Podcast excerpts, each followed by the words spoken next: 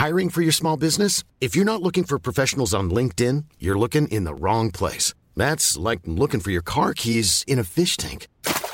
LinkedIn helps you hire professionals you can't find anywhere else, even those who aren't actively searching for a new job but might be open to the perfect role. In a given month, over 70% of LinkedIn users don't even visit other leading job sites. So start looking in the right place. With LinkedIn, you can hire professionals like a professional. Post your free job on linkedin.com slash people today.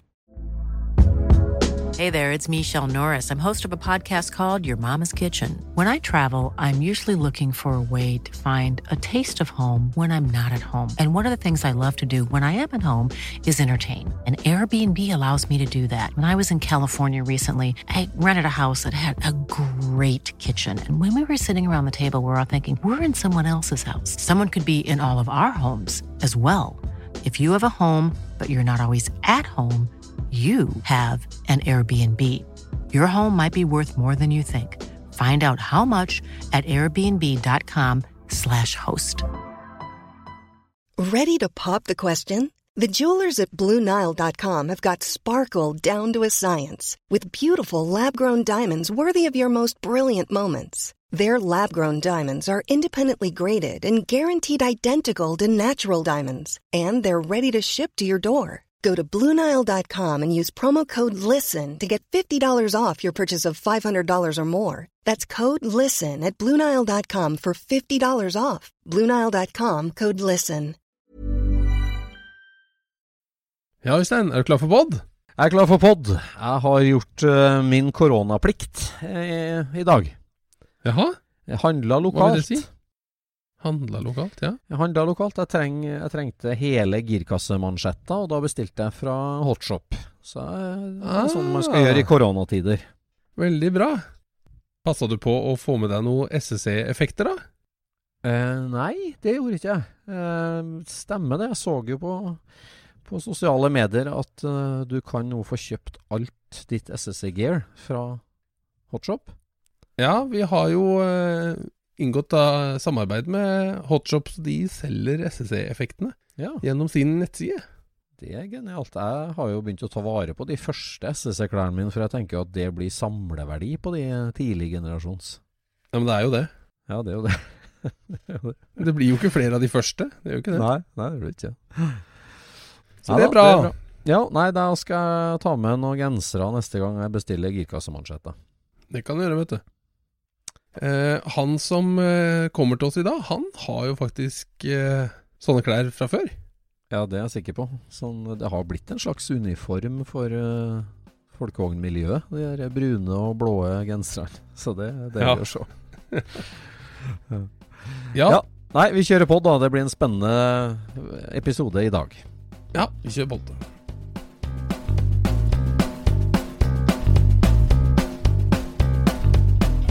Du lytter nå til Scootspodden, en norsk podkast om klassisk bil med Jon Roar og Øystein.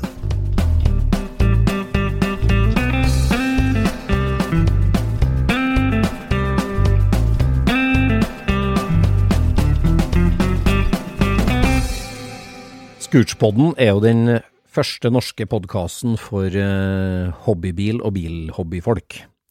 Og det er jo mange måter å være bilinteressert på. Vi har, vært, vi har hatt forskjellige gjester, vi har fått forskjellige innfallsvinkler til bilhobbyen her i Scootspodden.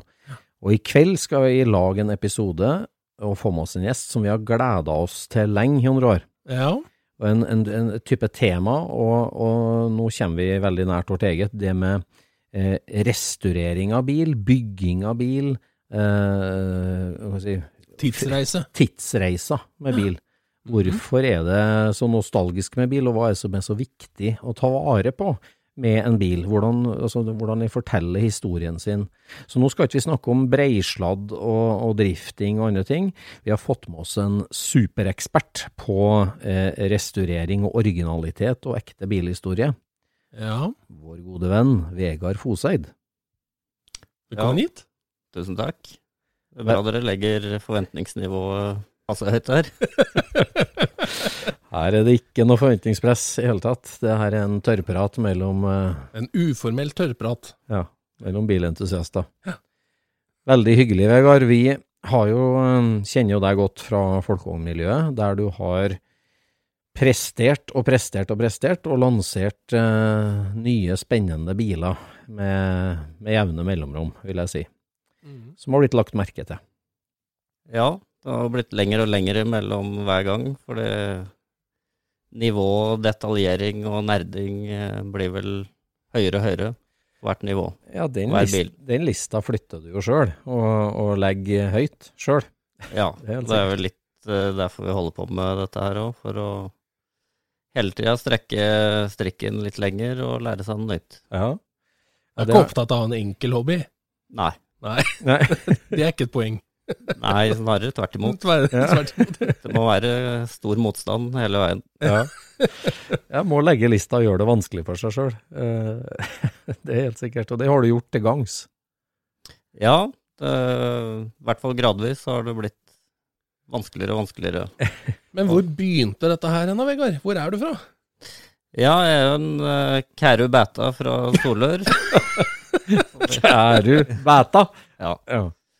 Så jeg har vokst opp eh, på prærien i Solør. Ja, Ja, nå er det er langt mellom husa og mye fritid.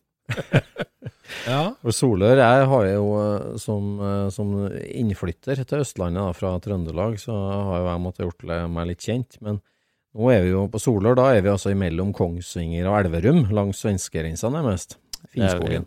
Ja. Det er jo ikke det sentrale Østland. Nei, det er lite gjennomfart. Det var i hvert fall det før. Men eh, det har sine fordeler, det òg. Ja. At det er god plass og godt med tid. Og cruising og det å kjøre gata eh, oppe i, i området hos dere, det har jo en egen Det er jo en kultur. Ja, den sitter eh, dypt forankra. Jo, det. Jeg tror det er bra for bilmiljøet lokalt. Var du der noen gang, eller? Ja, jeg har nok mine timer der òg, men lite knytta til bilhobby, egentlig. Det var Ja. mer en litt sånn uh, frihetsgreie, tror jeg, når jeg fikk lappen. Og loffe rundt på, eh, på flisa? Ja. Ja. Akkurat. Ja, hva var første bilen da, når du fikk lappen? Ja, det var vel noe som var nedarva i familien, tror jeg. Eh, En uh, Datsun eh, Sherry 100A. 100 per? Ah, ja vel. Eh, hadde ikke noe forhold eller noe lidenskap for den, annet enn å komme fra A til B. Nei. Skjønner. Men er det en bakhjulstrekk? Nei da. Det var forhjulstrekk, ja. Ja da. Du er så ung, ja. Ja da. Men bilinteressa, da, altså før det og fram til det, var det, var det noe nedarva, eller hvor kommer det fra? Nei, det har jeg spekulert litt på, men jeg tror liksom grobunnen ble lagt med teknikk-lego. Ja. Det liksom var heldig å vokse opp med muligheten til å få tak i teknikk-lego. ja det, er, eh, det er bra greier. Det er bra greier, altså det har vi snakket mye om i Scootspoden, at uh, de som er tufta på Apache-sykkel og teknikk-lego og radiostyrt bil. Det var 80-tallets uh, svar på CAD. Ja, 3D-CAD, Ja. eller ja. Styrkeberegning av legoklosser. Mm. ja, og alle muligheter, på en måte. Så jeg merka jo det at det var forskjellige typer legobyggere allerede som barn. Ja. No, noen de bygde liksom etter den første tegninga og var kjempefornøyd med å, å klare det. Og Ja. plukka den gjerne ned igjen og limte den sammen, sånn at vi kunne ha den eksakt Ja, eh, ja, på ja, hylla ja. som var på esken. Ja, jeg møtte noen sånne mennesker. Det var, det var rare folk. Ja, så jeg fikk den jo aldri nesten ferdigbygd før jeg måtte på variant nummer to og tre, som fulgte med i esken. Han kan bli veihøvel òg, den der. Da var liksom først når du begynte på variant nummer fire, som det ikke var noe tegning på, kunne spe på med litt deler fra tidligere sett og sånn, at det begynte å bli moro. Ja, ja, ja. Du var fribygger. Fribygger, ja. Det er det det heter. Ja. ja, ikke det? Ja. Derifra så gikk det vel over på traktorgressklipper og olabiler og gamle mopeder og rist i liv i ting som har stått og støva ned. Ja. Mekke litt på, øh, på familiens øh, traktorklipper, Ja. eller? ja, eller få tak i noe gammelt Ja. og få det til å gå. Så fort som mulig. Var dere, var dere en gjeng som drev sånn da, eller var du Ja, det var ikke så mye gjenger på en måte ute på landsbygda. Det ble, vi var aldri så mange at det ble noen gjeng, men En og en kær. at, at det var litt interesse rundt omkring for ting som uh, dura og bevega seg, det var det. Ja. Akkurat. Fikk du tak i noe eh, blader og sånt oppå der, da? Ja, og det tror jeg starta egentlig litt sånn ubevisst, fordi vi hadde besøk fra Amerika en sommer, og fjerne ja. slektninger. Mm. Og de hadde en gammel Edsel 58 som de skulle selge. Aha. Og det tror jeg sådde et eller annet frø i faren min, at uh, den skulle vært moro å fått over og begynt å klå på. Jaha. Ja. Og mens han dagdrømte om det, så ramla det ned Amcar i postkassa en gang i måneden. Ja, ja, ja. Jeg begynte å bla i, og ja, han meldte seg inn, han i Amcar? ja, det gjorde det. Ja. Så ble det aldri noe Edsel, men det ble jo mye Amcar-blad. Og så år, årstall er vi på nå. Når var det amerikafaren kom? Det må jo ha vært på 80-tallet, dette her. Tidlig. Tidlig. Og så oppdaga vel jeg at det fantes et eh, svensk blad på bensinstasjon som het Bilsport Magazine. ja. Og var nok frekvent der og handla det når det kom nytt. Og tok vel ikke så lang tid før jeg ble prenumerant på, på Bilsport. Ja. ja. Og har i dag eh, en del pappesker med bilsport eh, på loftet. ja. Det har nok satt farge, tror jeg, og, og Ja, brent, hva- brent seg inn. Hva fengte deg mest i bilsport? Var det nybilsreportasjene? Var det de kreative byggene, eller hva? Ja, jeg tror det litt sånn blandinga, og det har vel gjort at det er ganske altetende i dag på ting som har med bil å gjøre. Men de svenske bygga av annet enn Amcar virka litt mer eh, nære og litt mer eh, oppnåelig, på en måte. Ja. Så det var kanskje noe av det som fenga. Og så Og Da er du på Vallå- Vallåkra-treffet og 142 nå, eller? Super Swede. Ja, og det var nok i hvert fall det som fenga nærmiljøet i Solør. Så det gikk Ja. mye Volvo, Opel Ja, ja, ja. og kanskje BMW da når jeg var gammel nok til å ta lappen. ja. Men folkevogner var det dårlig med, men De hadde jo en VV spesial en gang i året, vet du. ja. Det er nok godt lest. Ja. Og det var noe med bobla, folkevogna, designet, utseendet som uh, fenga noe i meg, tror jeg. ja. Så gikk jo tida og flytta til Kongsvinger for å gå på skole, og der hadde de jo Narvesen-kiosk. Der hadde de jo egne blad med bare folkevogner. VV-trends. da, da var det VV Trends, ja. og ble fast eh, på det. Og så kom Folksworld fra England. ja. Men også i bilsporttida, der da, altså si mopedtida og ungdomstida, du kjente det at bobla var noe spesielt da, altså? Ja, For- på, på tross av. Mm. For det var jo ingen andre som holdt på med det, eller hadde noe interesse av det, eller det var ikke så mye å se opp til. En sånn underdog-bil. Ja, det var jo mest en pensjonistbil, for det var jo de som gikk i nærmiljøet var lyseblå med gamle kjerringer bak rattet. Ja. Så det var liksom ikke det mest spennende Lyseblå med steinsprutbeskytter foran. Ja. Ja. Ja. Mm. Så jeg var ikke helt der, at Nei. det liksom var eh, greia.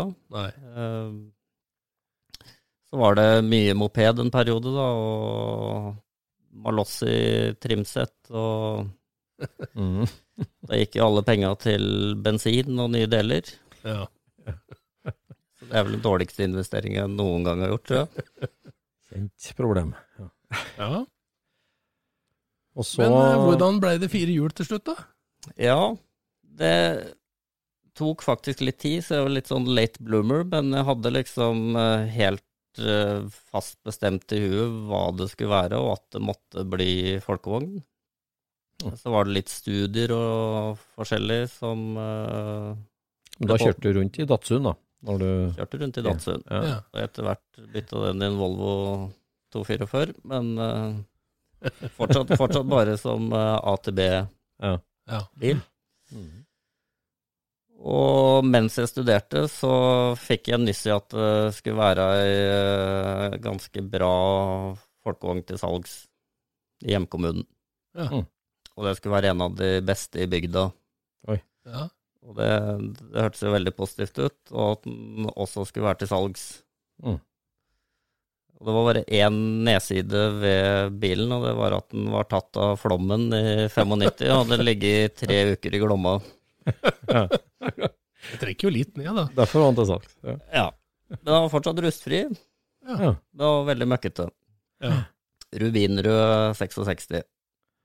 Den passa godt inn i, i de tankene jeg hadde satt meg om uh, hvordan bilen skulle være. Så da ble det en eh, slags restaurering. Mer plukke ned hele bilen og rense, vaske alt og sette det sammen igjen.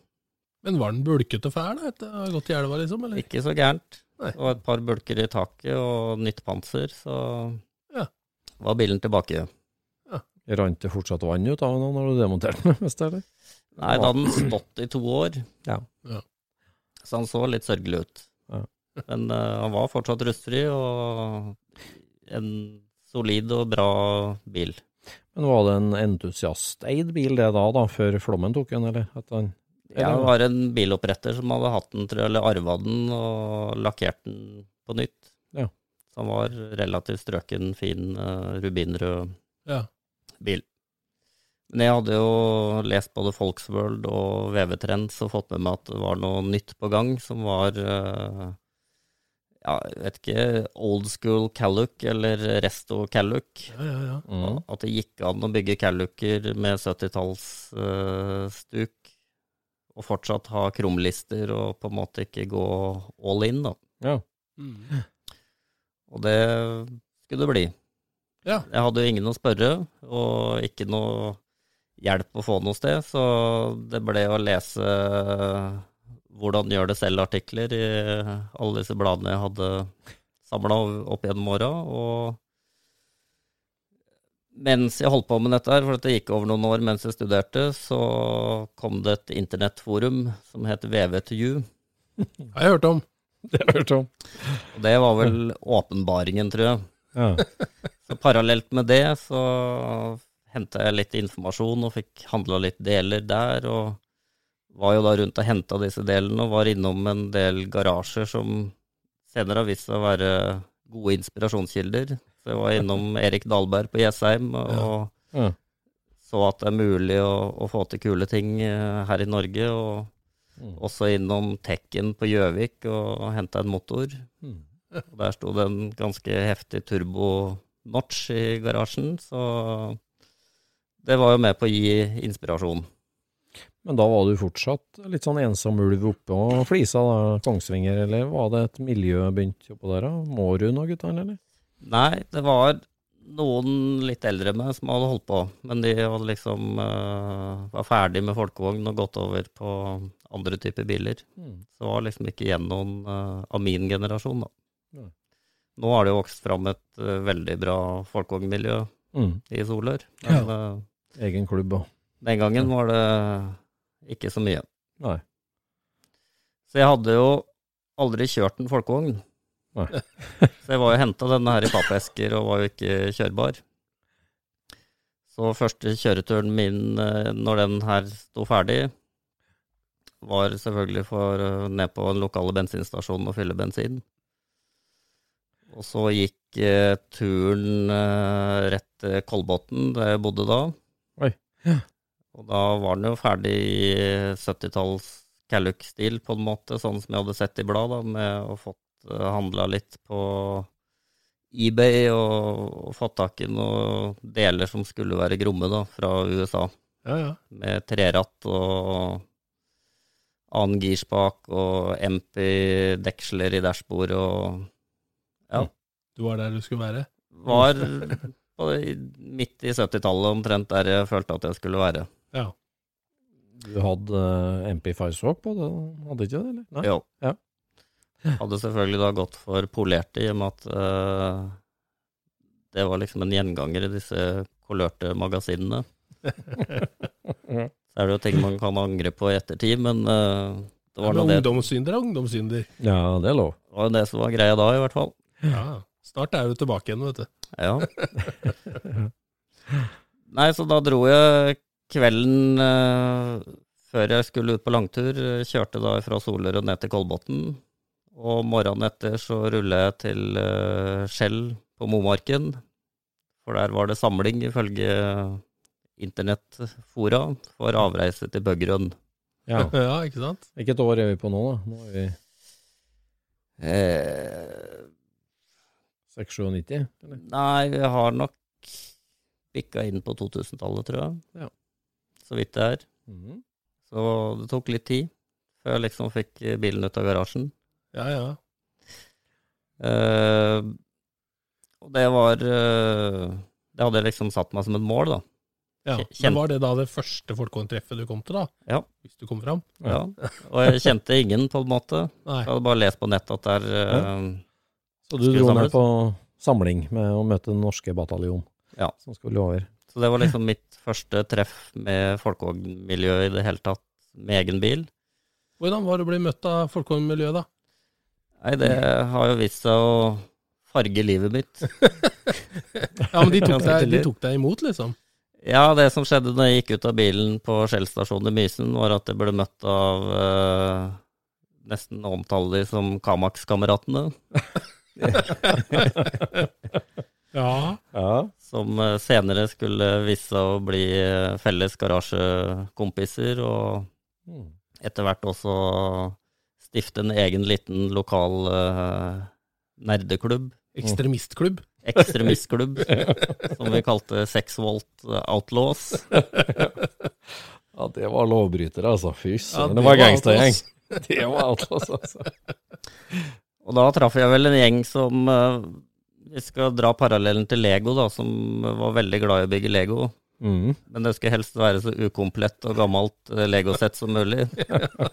og hvis det skulle suppleres med noen Lego-biter, så skulle det være fra samme produksjonsserien som eh, originale settet. Det Ble brått litt smalt. Skal være litt forsiktig med hvem du driver og møter så på bensinstasjoner rundt forbi, altså. Ja. Det skar fort ut, skjønner jeg. Ja, det gikk veldig fort i feil retning. Så det var jo en kjempetur til eh, Mantorp. Ja. Og vi uh, var ikke lenge etterpå før vi samla oss i felles uh, mekkelokale. Og der slapp jeg vel egentlig aldri inn med den 66-modellen. Så det var min korte touchdown i Calluck-perioden. Ja, for den, den var ikke gammel nok, den da, eller? Nei, den ble omtalt som uh, 13 mm-bilen, og Da refererer vi selvfølgelig til den tyske standarden med hodestørrelse på M8. Bolt. ja. Hvilket år skifta det, Øystein? Oi, det må jeg spørre Kamax-kameraten om. Nei, jeg fikk i hvert fall raskt en forståelse for at uh, bilen måtte ha oval eller helst delt uh, bakrute. Ja. Mm. Alt, alt annet var uh, passa 14 mm-nøkkelen dårlig på. Så Det høres ut som du kom inn i et veldig godt miljø, veldig sunt miljø. ja, det er øya som ser. Ja, jeg tror det er øyet som ser. Ja, det er nok det. det, er nok det. Så den, uh, den 66-modellen, den gikk jo da videre.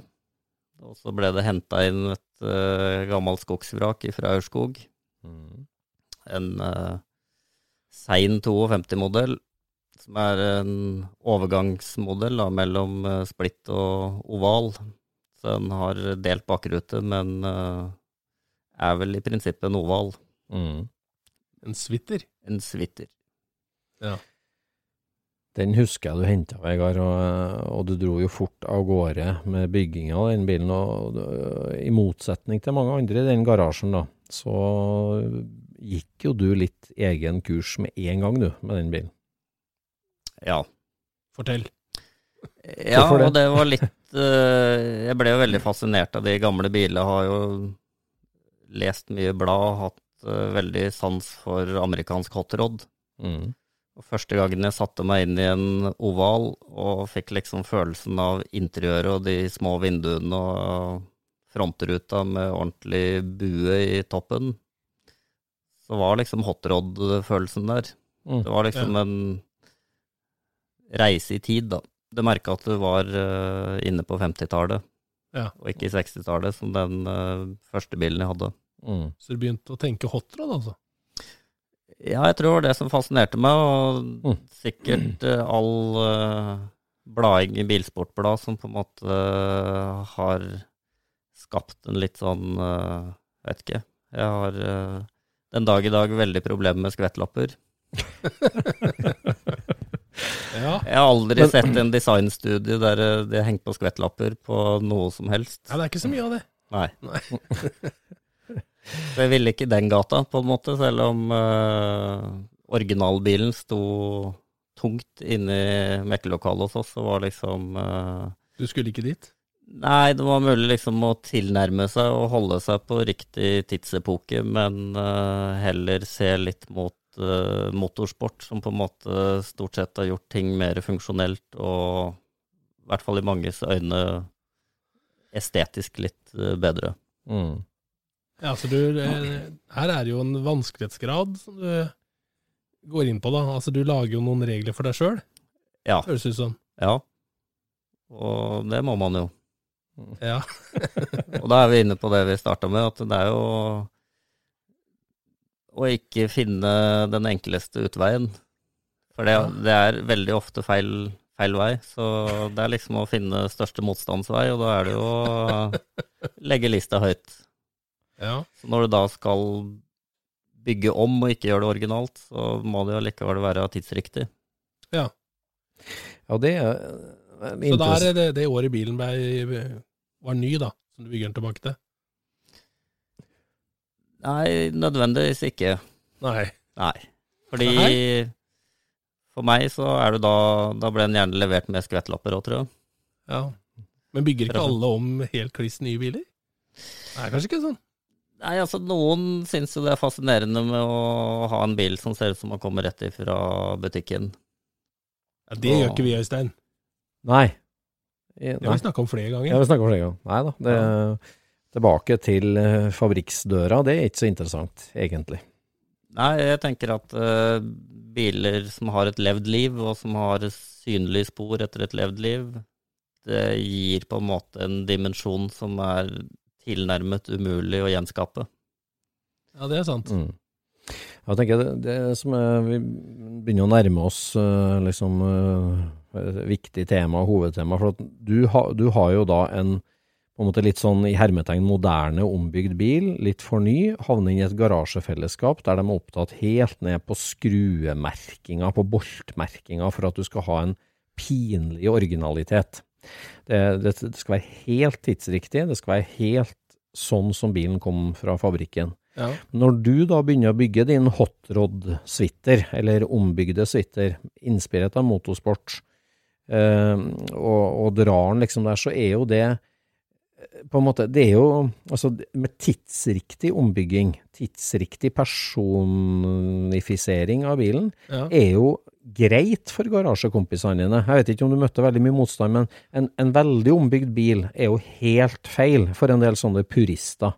Mens en sånn tidsriktig ombygging som du lanserer der, um, er jo greit også for purister, tenker jeg. Uh, altså originalfrika. Fordi at det er en form for originalitet. Er ikke det riktig å si? Eller eh, ble du kasta ut av garasjen når du begynte å bygge? Nei, på ingen måte. Og det, det er vel litt av min filosofi òg. Det, det skal jo være ombygd tidsriktig, og da skal det jo være der det som var originalt. Mhm. Altså, det som ikke er endra, det er originalt. Ja. Ikke sant? Mm. Og det er ingen som har glede av å sitte og se på en galvanisert bolt fra Jernia, så det må jo være riktig. Ja. Og det har jo noe med tidsreise å gjøre, det må jo være autentisk. Mhm. Og det er Ja, for at Hvis du møter en som er likesinna, da, så skal ikke han, han skal ikke kunne avsløre hva du har gjort, hva du ikke har gjort. Altså Han kommer til å se det ombygde, men resten, at du har satt på en ny skjerm og du har eh, bytta ut bolten, eller Det skal ikke han kunne avsløre, ikke sant? Nei, jeg tenker at det er litt av opplevelsen.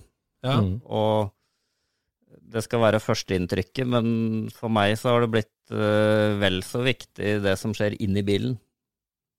Så når jeg setter meg inn i bilen, så vil jeg helst ikke se eller ta på eller være i nærheten av en eneste reprodel. Akkurat.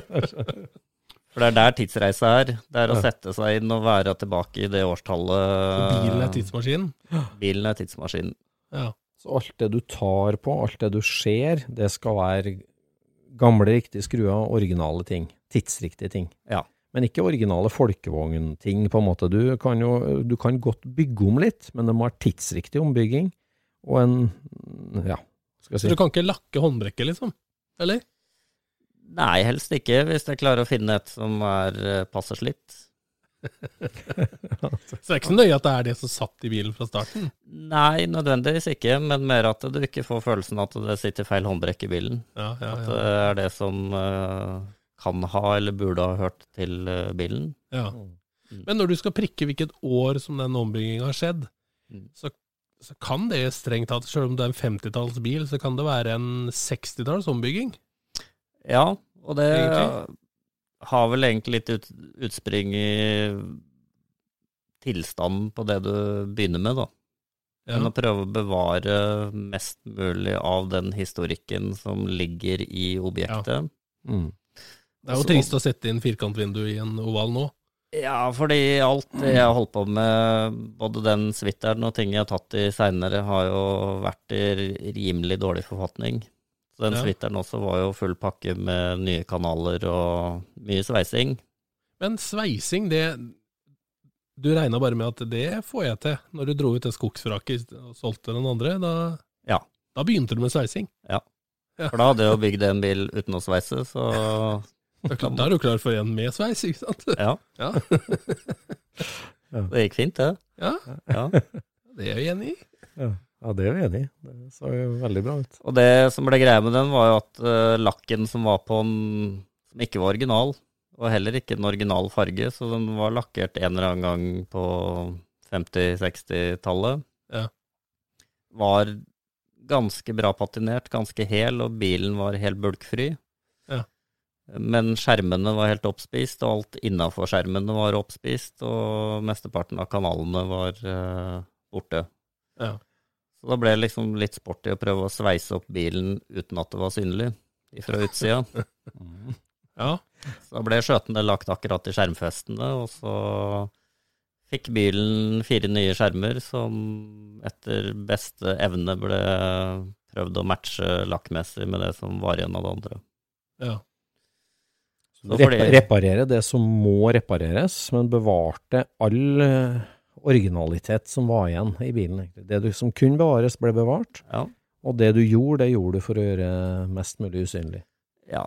Så er det liksom noe med Det har aldri vært noe poeng for meg å bruke mest mulig penger på et prosjekt. Det gir meg ingen glede. Men det er å skape noe som er autentisk. Og Ja. den bilen her var kostbart innvendig.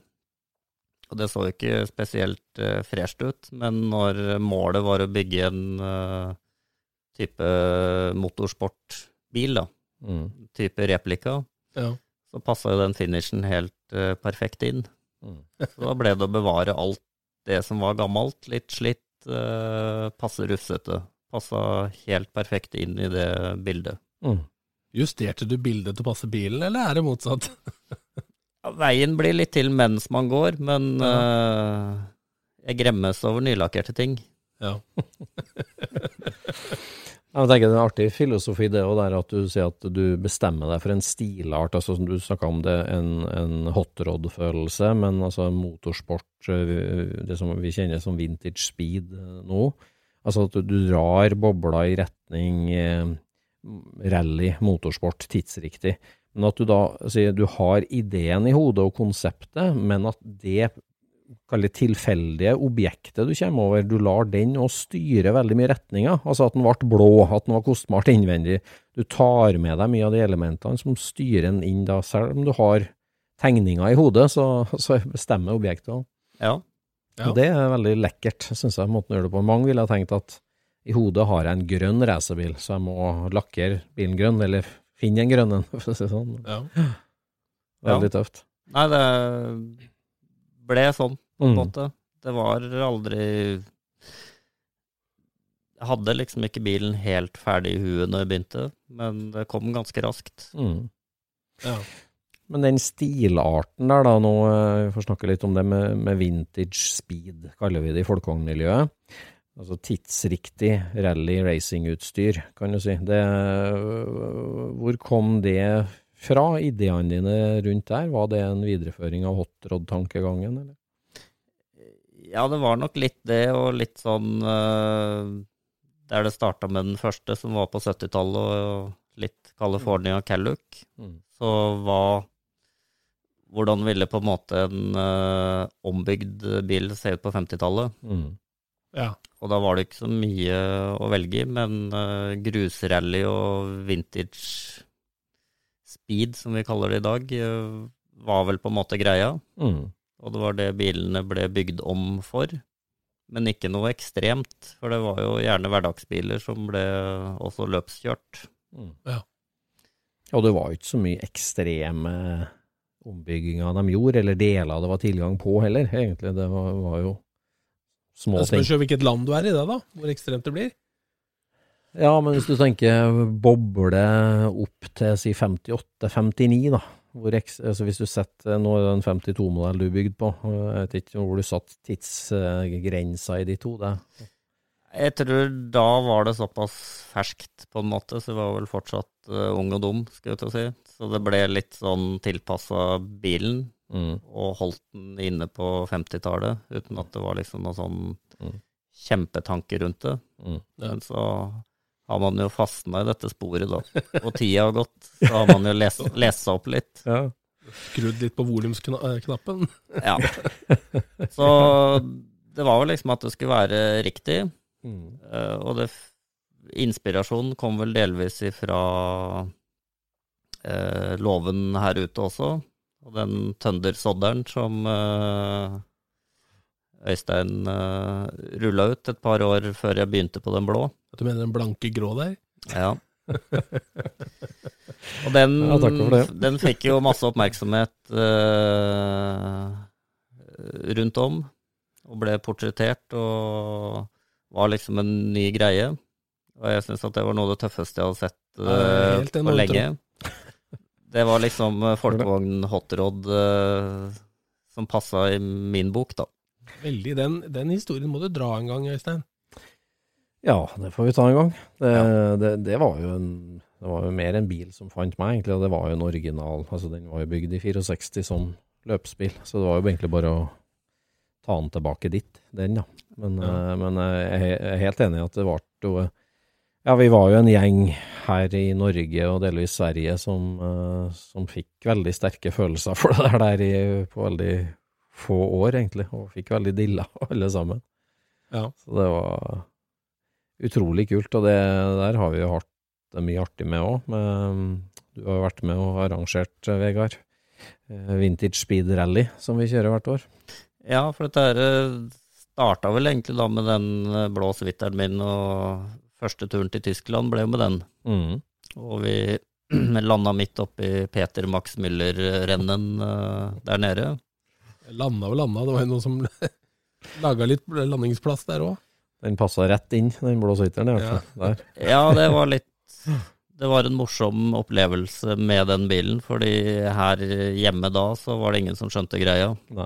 Så det var ikke noe People's Choice-bil eh, på treff, den blå switteren. Nei. Ingen skjønte er det en Calluker, eller er det en originalbil, eller hva er, hva er det greia, liksom? Ja, Det er litt artig det der, altså med, med bilhobbyen som har sine stilarter, liksom og sånn. Der var det jo en boks, en stilartsboks som bare mangla i repertoaret til folkevogn, i hvert fall. Ja, men det er mange som har flørta litt med sånn rallystil på, på folkevogna, eller på Mm. gammel bil generelt, egentlig. da. Ja ja, Men sant. da er det jo gjerne blank bil og med, med startnummer på døra, liksom. Ja, Og Ja, teip på løktene, kanskje, i ekstremfall. ja, lyktegitter, startnummer og Halda trippmaster. Det er klart at uh, Eller, eller takrinn, da. Altså, det blir Ja, Det er ja. liksom sånn, en sånn all in-stil, hvor Ja, du kan bruke ja. alt, Ja da, og det kan være rallybil. Ja, ja. da, det, det, det er jo sant. Altså, du, I 12M-klubben og i Amazon og GT og sånt, så, så er det jo øh, Ja, det er jo en stilart, men i, i, i folkevognhobbyen så må det jo sies at liksom bilen din, Vegard, og, og flere som fulgte rett etter det, tok en jo et hakk lenger. Det, Ja, det er jo også sånn en kombinasjon av slitt rallybil, Ja. altså sånn ekte Mm. Ja, patina blir så håpløst å si, men, Mm, eh, men det her ser ut som et, et gammelt startfelt som noen har funnet på en låve. Ja, det er en veldig bra dimensjon av det. Også.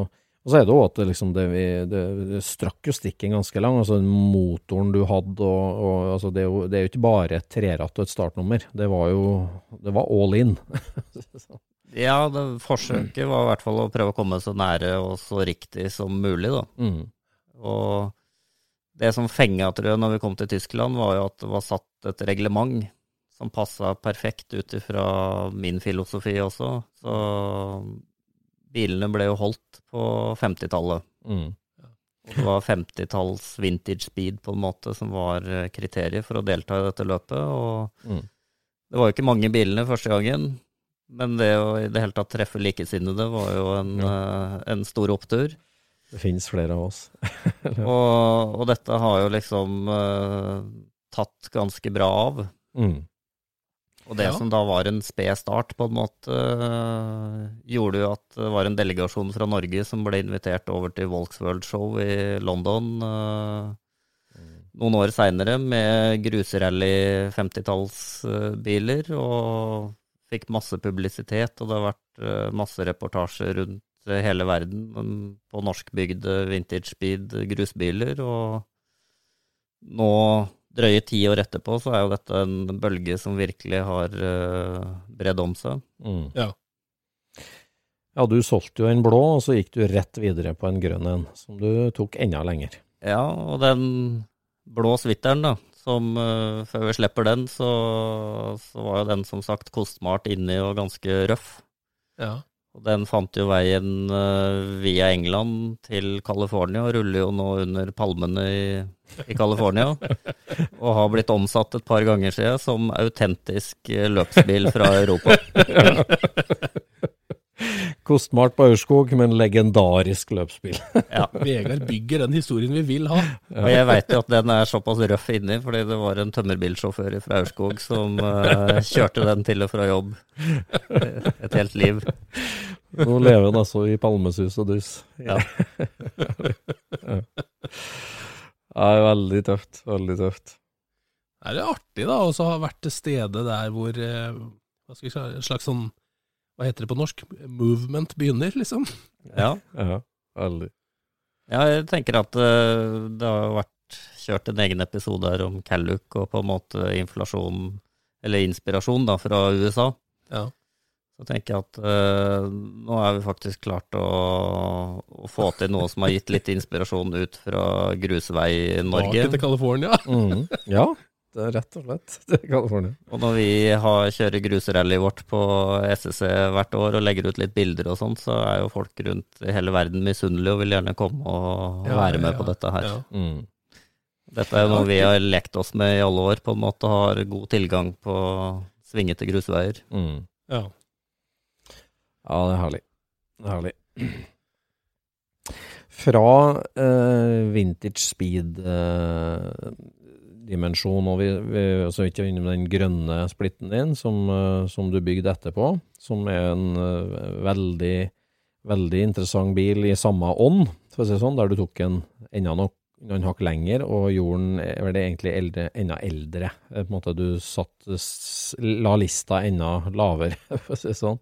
Ja, det ble jo en litt sånn ventepølsebil, fordi eh, i kjølvannet av den blå svitteren så satte jeg i gang med et uh, enda verre skogsvrakprosjekt, fordi jeg hadde jo klart å sveise den svitteren, så da måtte jeg jo liksom uh, løfte lista litt.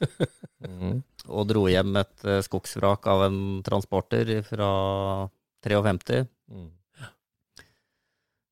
Og skjønte vel etter å ha holdt på med den første vinteren og demontert den, at jeg hadde gapt ganske høyt. Ja. Ja. Og hvis jeg liksom skulle bare ha den, så kom det til å bli noen år før det ble noe bilkjøring igjen. Mm. Så da kom den eh, grønne bilen inn, og den ble litt akkurat i samme malen som den blå, og følge bilen på en måte. Hente ut det potensialet som var i bilen, og, og få det til å se ut som en autentisk eh, midnattssol-rallybil, Splitt boble. splittboble. Ja. Ja, en helt herlig bil, og det, ja, det er som vi har sagt mange ganger, det her er med én ting de delene du setter på, og den stilen man bygger i, men å holde det til et vidt tidsperiode, og gjøre den for tro, eller troverdig og autentisk. Det er så, det er du så flink til, Vegard, og de triksene du bruker med matting og forskjellig, og, og finne de riktige bitene som har riktig slitasje, for at liksom hele kunstverket og Lego-modellen skal passe sammen. Altså gi være troverdig, 100% troverdig. og det, det er vanskelig, altså. Det, Altså høres det kanskje ut som jeg er supermotstander av reprodeler, men uh, den tiden vi har fått tildelt her på kloden er for kort til å ikke ta i bruk repro. Så Det er bare de tinga inni som du tar på, som ikke skal være repro. helt riktig. Det skal ikke være noe som slår imot deg, verken på utsida eller når du setter deg inn i bilen. nei, Nei. Mens det du ikke ser, det klarer jeg å leve med. ja. Ja. Ja, men det der det er en viktig skille mellom det der med, med overflatene, overflata på et objekt, alle overflatene, kontra funksjon og innmaten. Det er liksom to forskjellige ting, det. Men hvor tok du vanskeligheten opp når du, når du begynte på sp spl splittbobla? Hva tenker du var det vanskelige?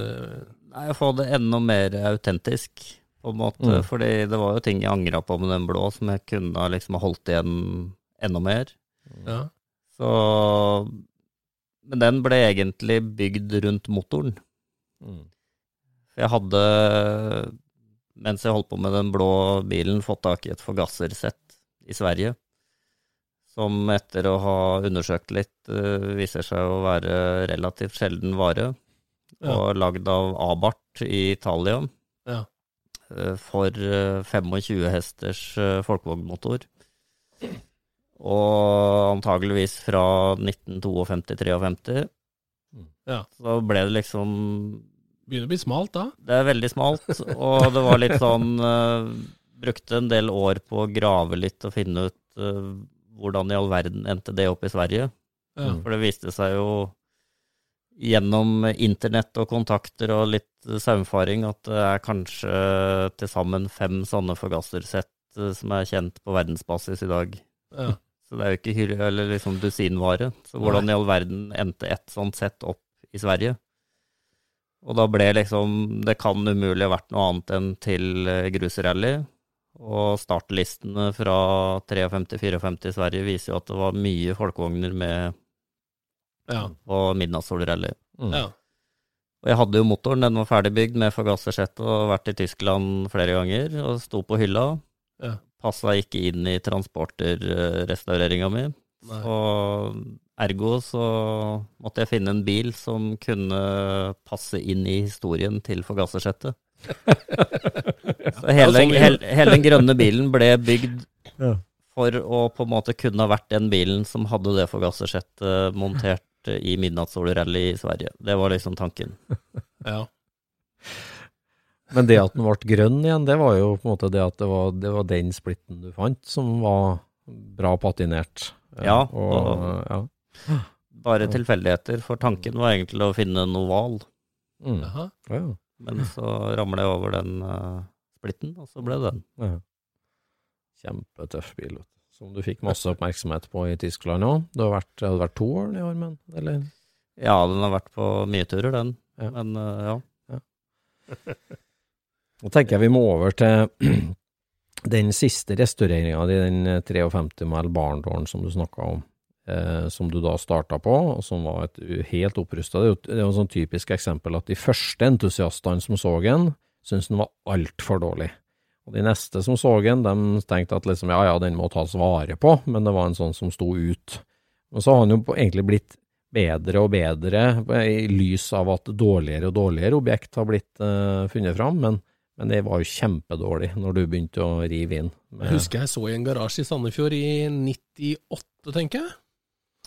ja, nei, den eh, ble jo dratt ut av skogen oppe i Gausdal på 90-tallet. Ja.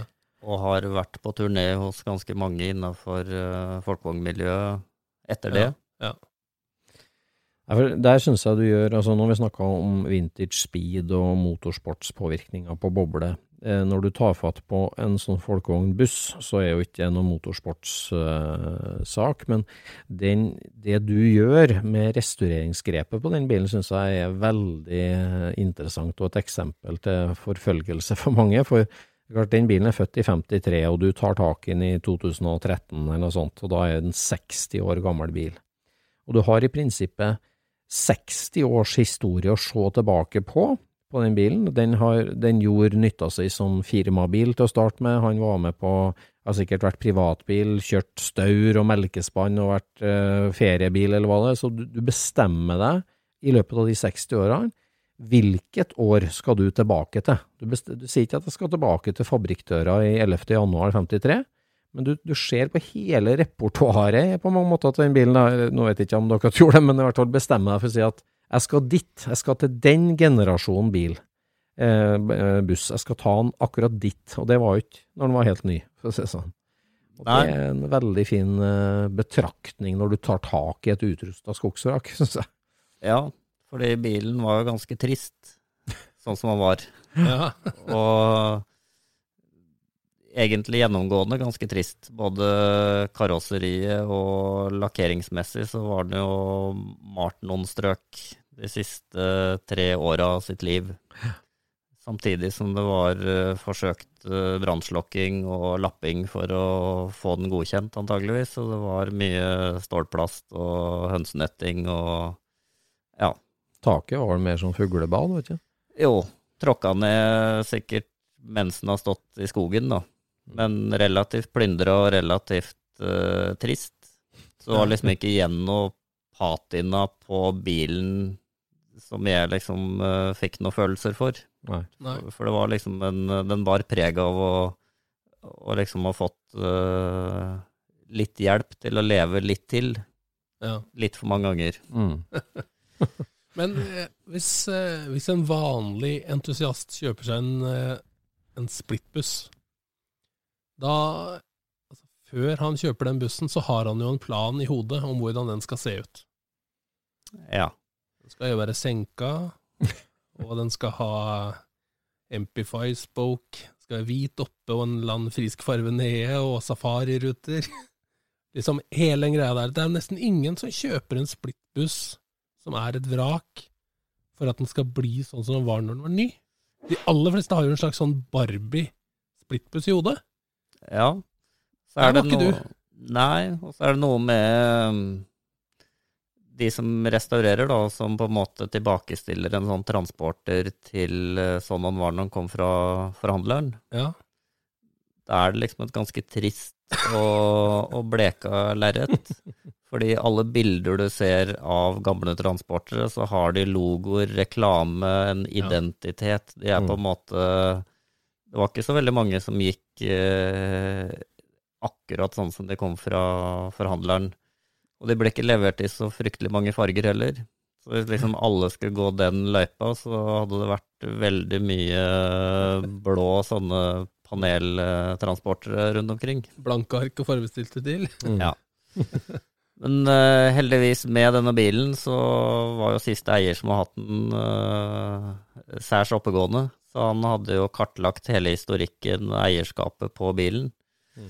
Og det var jo tydelig at eh, denne bilen hadde tjenestegjort hos Oslo Lysverker eh, store deler av sin tilværelse, fra 53 og fram til i 62. Mm. Og når jeg fant ut av det, og fikk begynt å skrape litt i malinga og sånn, og, og fant igjen noe lakk som antageligvis eh, hørte til Oslo Lysverker, så ble vel løypa mer og mer i den retningen at uh, det er jo dit jeg må. Mm. Og jeg fikk samtidig tak i sertifikat fra fabrikken eh, i Wolfsburg, som viste at denne bilen var levert til Norge i primer. Ja. Så det liksom å totalrestaurere bilen tilbake til, eh, primer. til primer var liksom noe særlig kjedeligere enn det Nei, det kan ikke bli mye kjedeligere enn det. Nei. Ja, for da var den levert eh, som firmabil, og de skulle ha kjøre den, de kjørte den rett inn på lakkering og lakkert den i firmafargene. Ja. Uh, og jeg har jo fått vite mye mer om denne bilen etter jeg var ferdig, Mm. enn mens jeg holdt på, men jeg hadde liksom satt meg som mål å prøve å ikke ødelegge mer enn høyst nødvendig, og ta vare på så mye som overhodet mulig. Så Ja. Og Men- vi, som, vi som så den før det begynte, så det var jo veldig lite å ta vare på, på en måte, som du sa. Men under mange lag maling så fant du mye å ta vare på, du. ja, mens jeg holdt på med denne bilen, for jeg har brukt ti år fra jeg begynte på den til den var kjørbar. Så eh, har det jo kommet mer og mer eh, deler, spesielt platedeler, sveisedeler på markedet, som på en måte har gjort det enklere å i det hele tatt komme i mål med en sånn restaurering. Mm. Men jeg hadde liksom bestemt meg for at det er veldig lett å la seg friste til å ta den shortcuten og skjære ut eh, hele deler og ta det i punktsveisinga og, og Ja, for du får kjøpt hele paneler nå, og det er jo mye lettere enn å skjøte inn en liten bit nederst, liksom. Ja. Så du, har, du får jo i prinsippet snart kjøpt eh, hele bilen, vel, i, Ja. i, i deler som kan tas i fabrikkskjøtene. Men der har jeg liksom valgt en annen rute, sånn at eh, det er bare bytta det som måtte byttes. Så det er ikke en eneste hel sveisedel som er tatt i skjøtene. Nei, ikke sant? Og det er litt for å bevare eh, historien og få bilen til å se autentisk ut. Og det betyr at uh, alle sliteflater, alle kanter, hjørner og sånn uh, er viktig. For med en gang du får en skarp, nylakkert eh, kant når resten av bilen er slitt, den, eh, den stikker seg ut. Mm. Men der igjen så er det jo Den bilen skal jo brukes og være forskriftsmessig og i stand, så hele chassiset på den er jo nå eh, i prinsippet nesten nytt. Ja. Og den er nylakkert under, så under så ser den jo ny ut. Mens ja. utapå så har jeg prøvd å bevare mest mulig, og samme inni.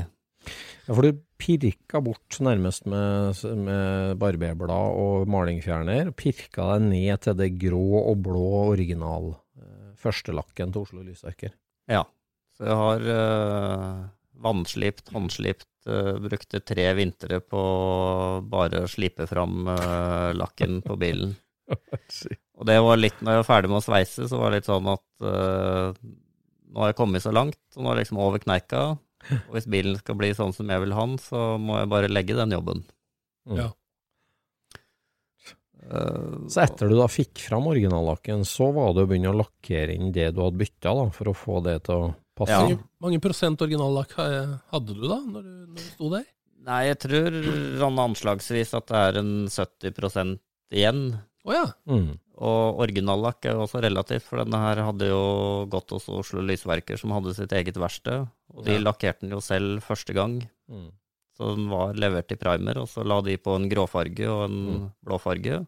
Og har, eh, den har vært kollisjonsskada et par ganger og vært lakkert om igjen. Mm. Så den er jo lakkert på nytt igjen i grå. Ja, Så det er jo et par eh, grånyanser på en måte som kan kalles originallakk, da. Mm. Ja, ja, ja.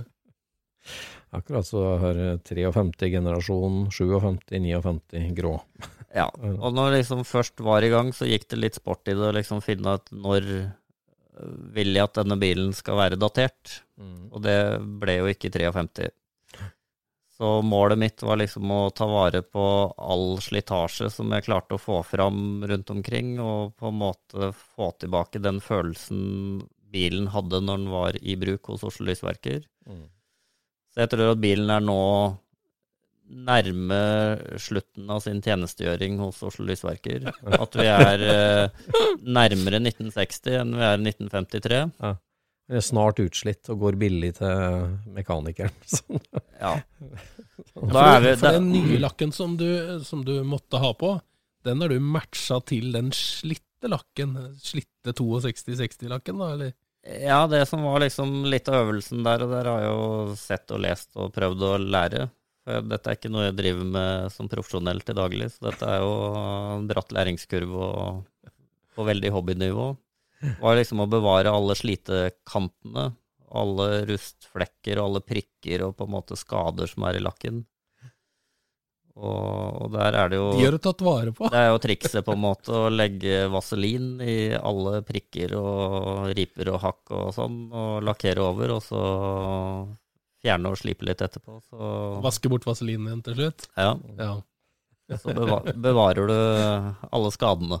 ja. Det er motsatte av prikk, prikklakkering. Ja. Bevare Det steinspretten. fantastisk. Ja. Nei, og da er vi igjen inne på det med liksom eh, Det var jo nesten ikke noe igjen av f.eks. setetrekket Nå er det jo ikke kjempemye komponenter inni førerhuset på en sånn uh, transporter fra 53. Da er liksom de få tingene som er der, de må være autentiske. Mm. Så da ble det å spore opp eh, originale, slitte, kasserte setetrekk og få nok biter til å sy sammen et eh, nytt setetrekk til eh, ryggen og benken i originalt trekk.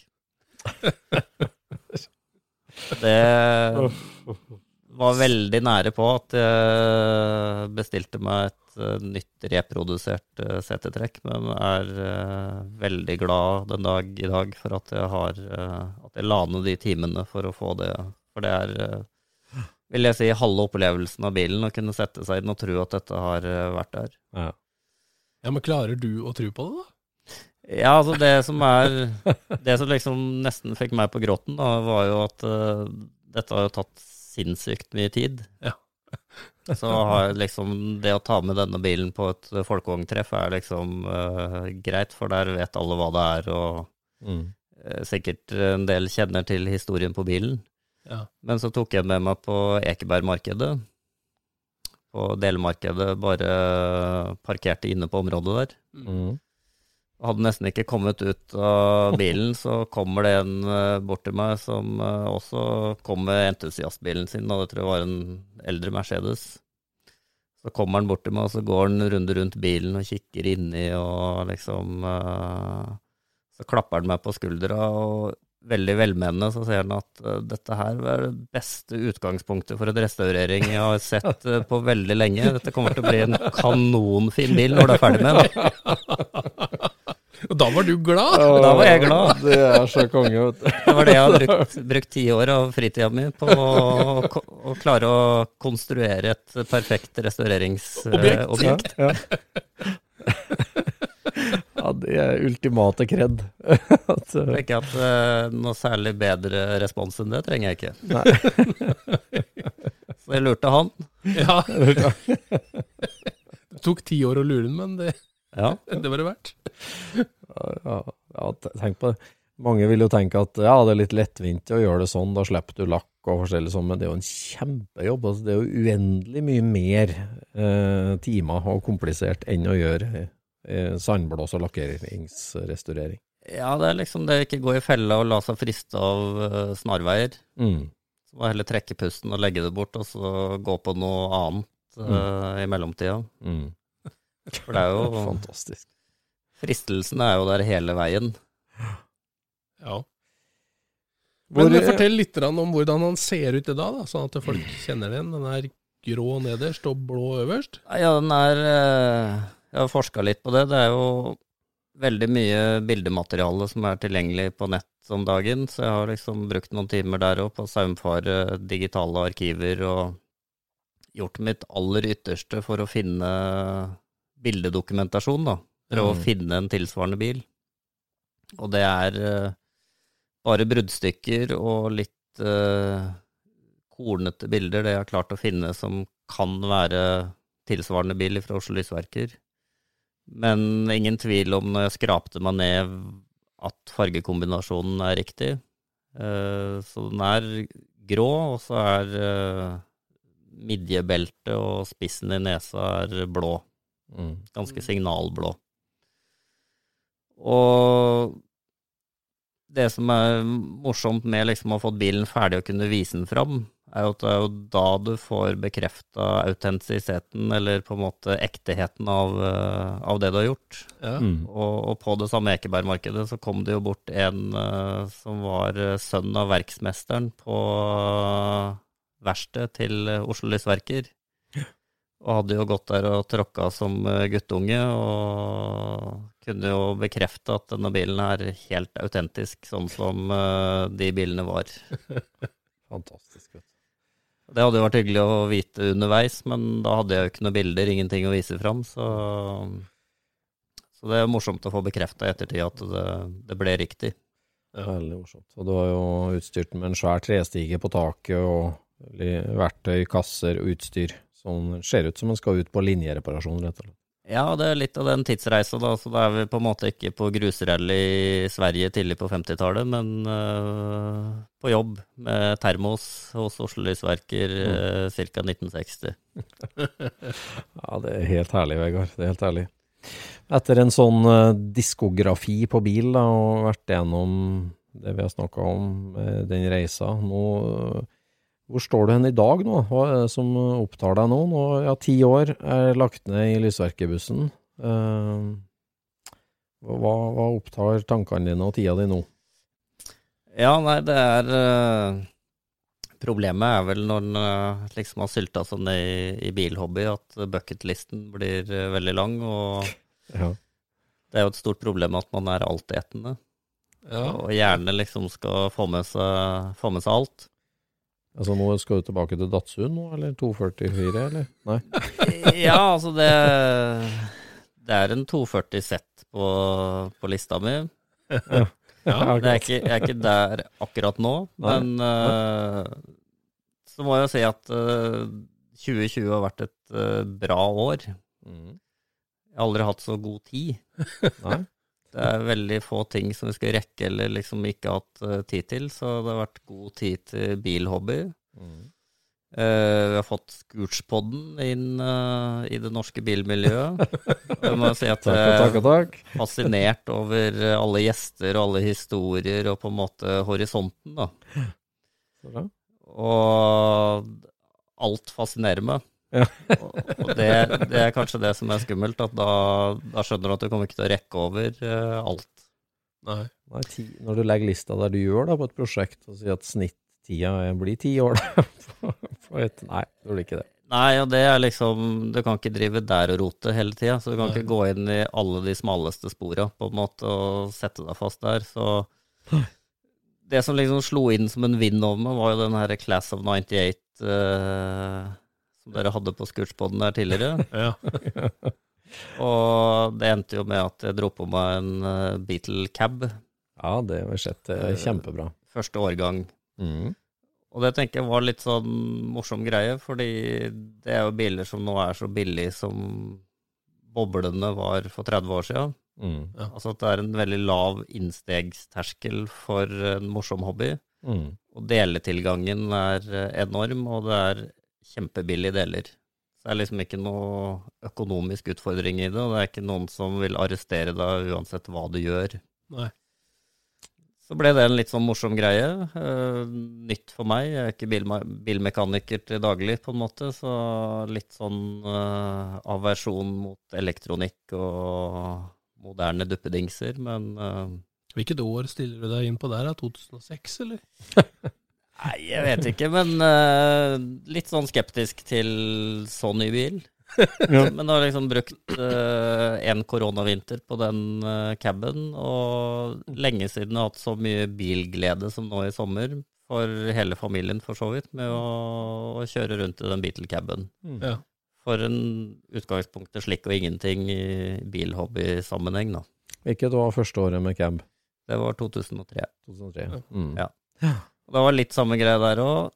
De er ikke kjempespennende, og de er jo ikke helt like sånn som konsepttegningene, de som kom ut av eh, forhandleren her i Norge. Så det var liksom å finne hva er liksom det kule konseptet i 2003. Mm. Mm. Og da fant jeg noen Øttinger-brosjyrer og sånn, og så klarte jeg etter litt leiting å spore opp eh, et sett med Øttinger-hjul, og fikk på noen sportsfjærer, og på en måte fikk en litt sånn Øttinger-look på den. Men i stedet for å kjøpe nye ettermarkedsfelger, så var liksom litt av tanken der at eh, den er jo snart 20 år gammel, så vi må jo være i 2003. Mm. Så det er jo en tidsmaskin anno 2003. Ja, ja. For oss som begynner å dra på åra nå, så virker jo det som i går. ja det virker som i går.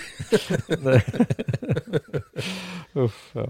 Så herlig, da. Det utvidelse av hobbyen.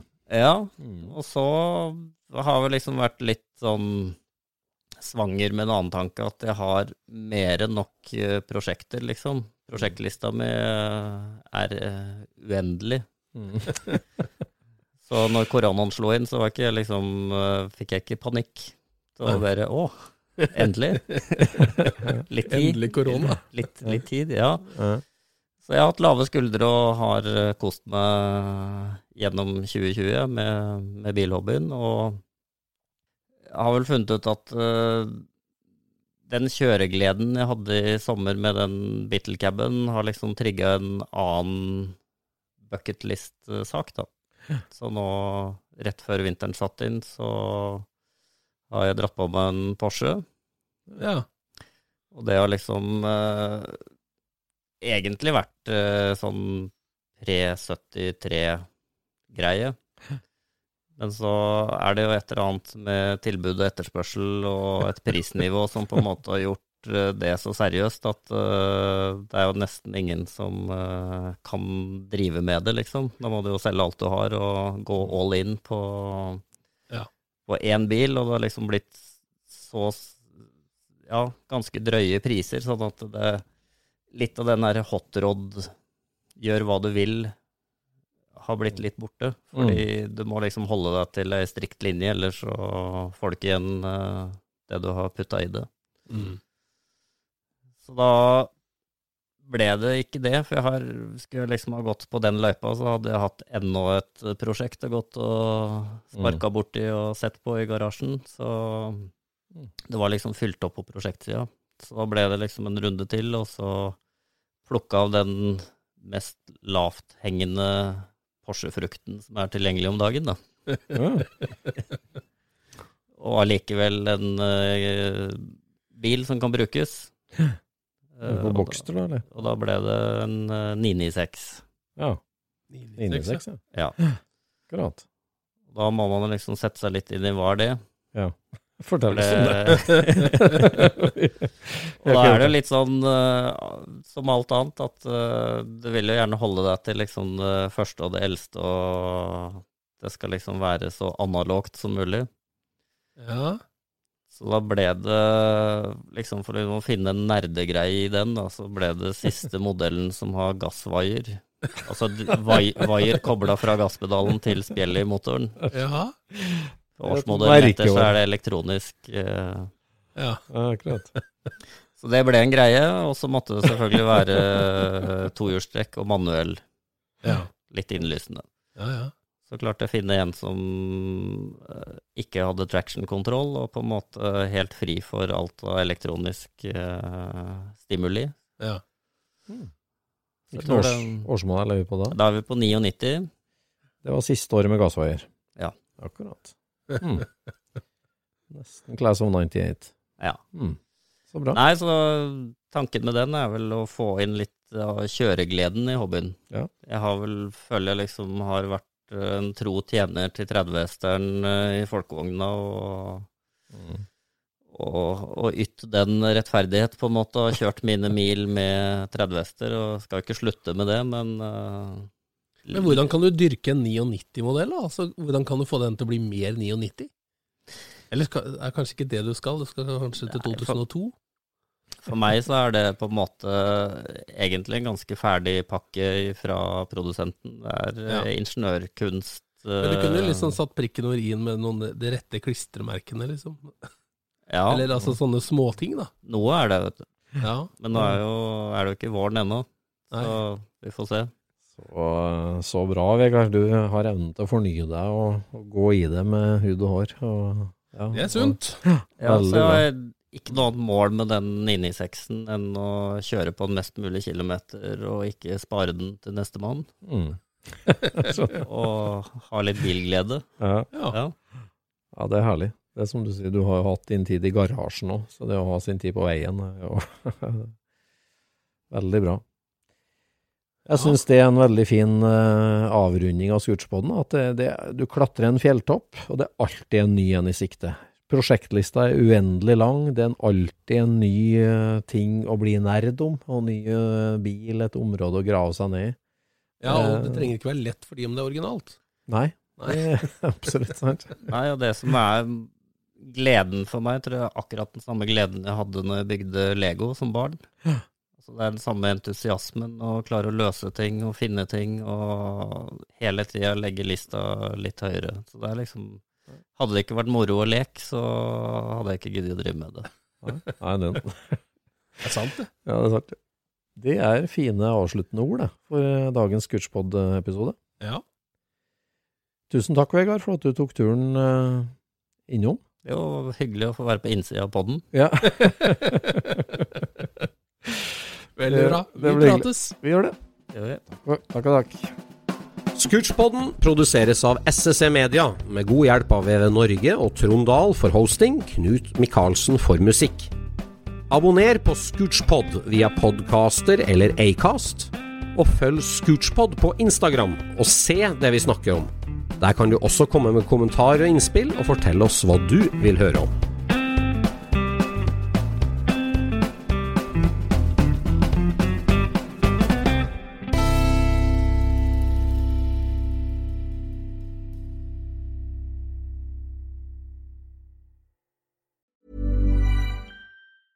Planning for your next trip? Elevate your travel style with Quince. Quince has all the jet setting essentials you'll want for your next getaway, like European linen, premium luggage options, buttery soft Italian leather bags, and so much more. And is all priced at 50 to 80% less than similar brands. Plus, Quince only works with factories that use safe and ethical manufacturing practices.